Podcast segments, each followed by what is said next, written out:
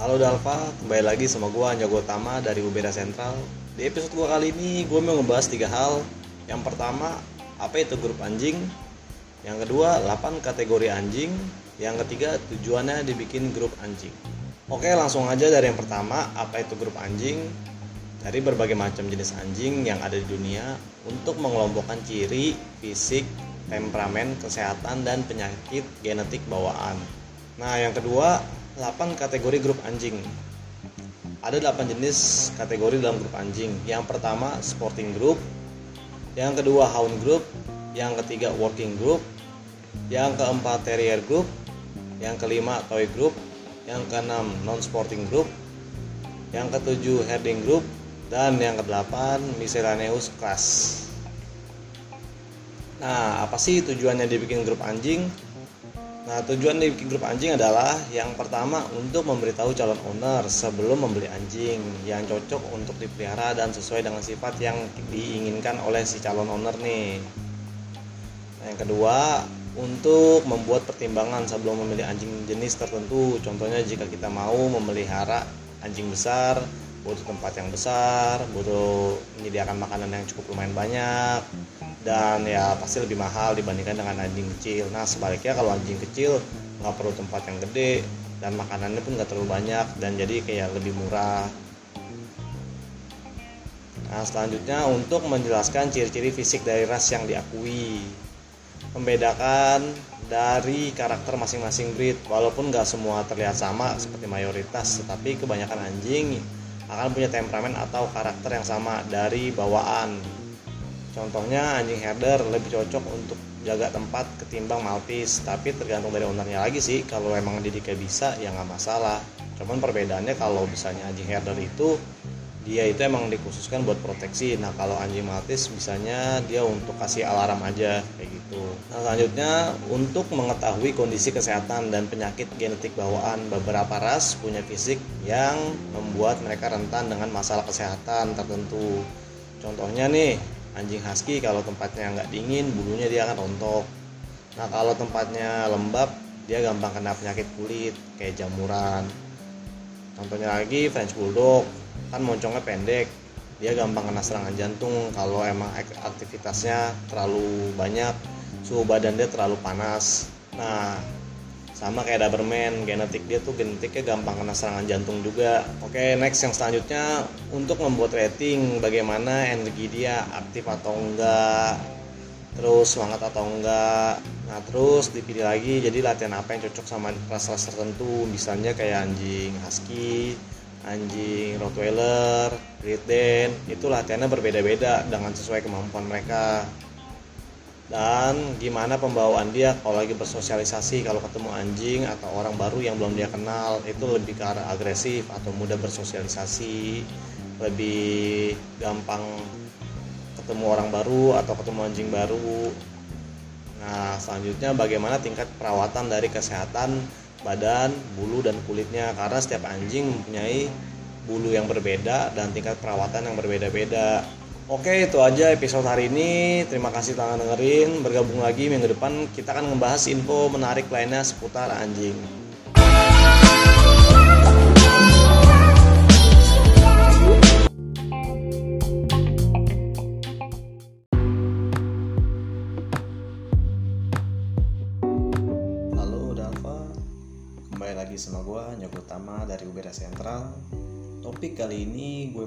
Gue mau membahas lanjutan dari topik sebelumnya tentang grup anjing. Oke langsung aja kita bahas apa sih dog sporting group. Nah sporting group itu tipe anjing yang sangat aktif dan waspada secara alami. Dan sporting group adalah sahabat yang menyenangkan dan mudah diatur. Cocok untuk jadi anjing keluarga. Nah, tujuan pertama kali dikembangbiakan dog sporting group untuk berburu dan lempar tangkap kayu. Ada empat tipe dasar anjing sporting group: spaniel, pointer, retriever, and setter. Nah, dikenal karena mereka yang suka main air dan lempar tangkap kayu. Banyak dari keturunan ini menikmati pemburuan dan kegiatan lapangan lainnya. Banyak dari mereka, terutama breed yang suka main air, memiliki bulu yang anti air atau bisa dibilang susah basah bulunya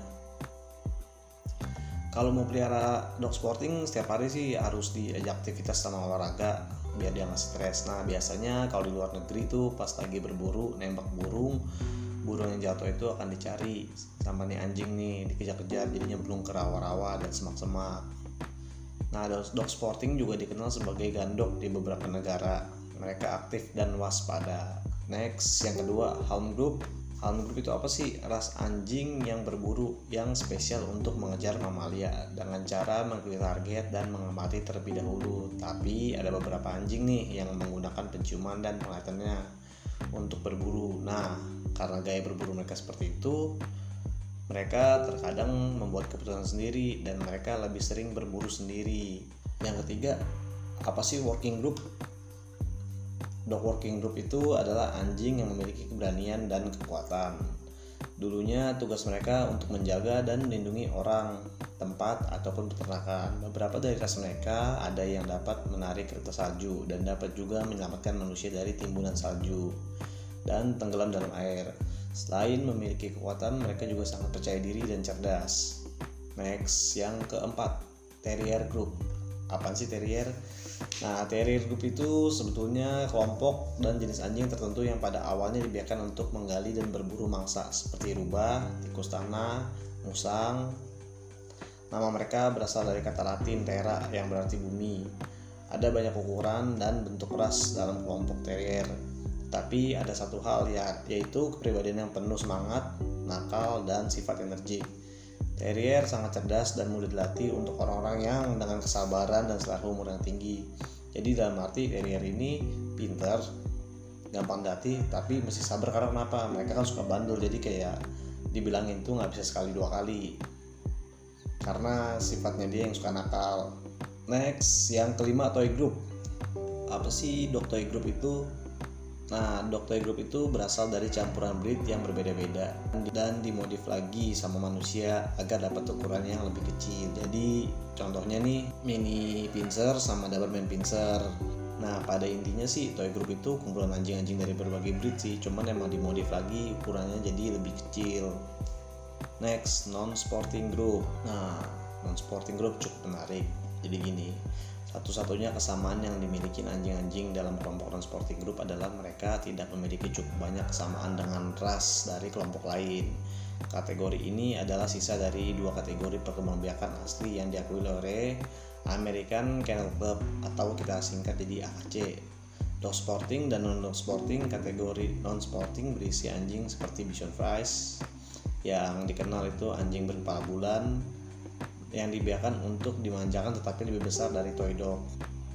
Yang ketujuh, herding group. Herding group ini ras yang dikembangbiakan khusus untuk mengembala, untuk mengembala domba, kambing, sapi. Dari ras ini ada dua tipe gaya mengembala.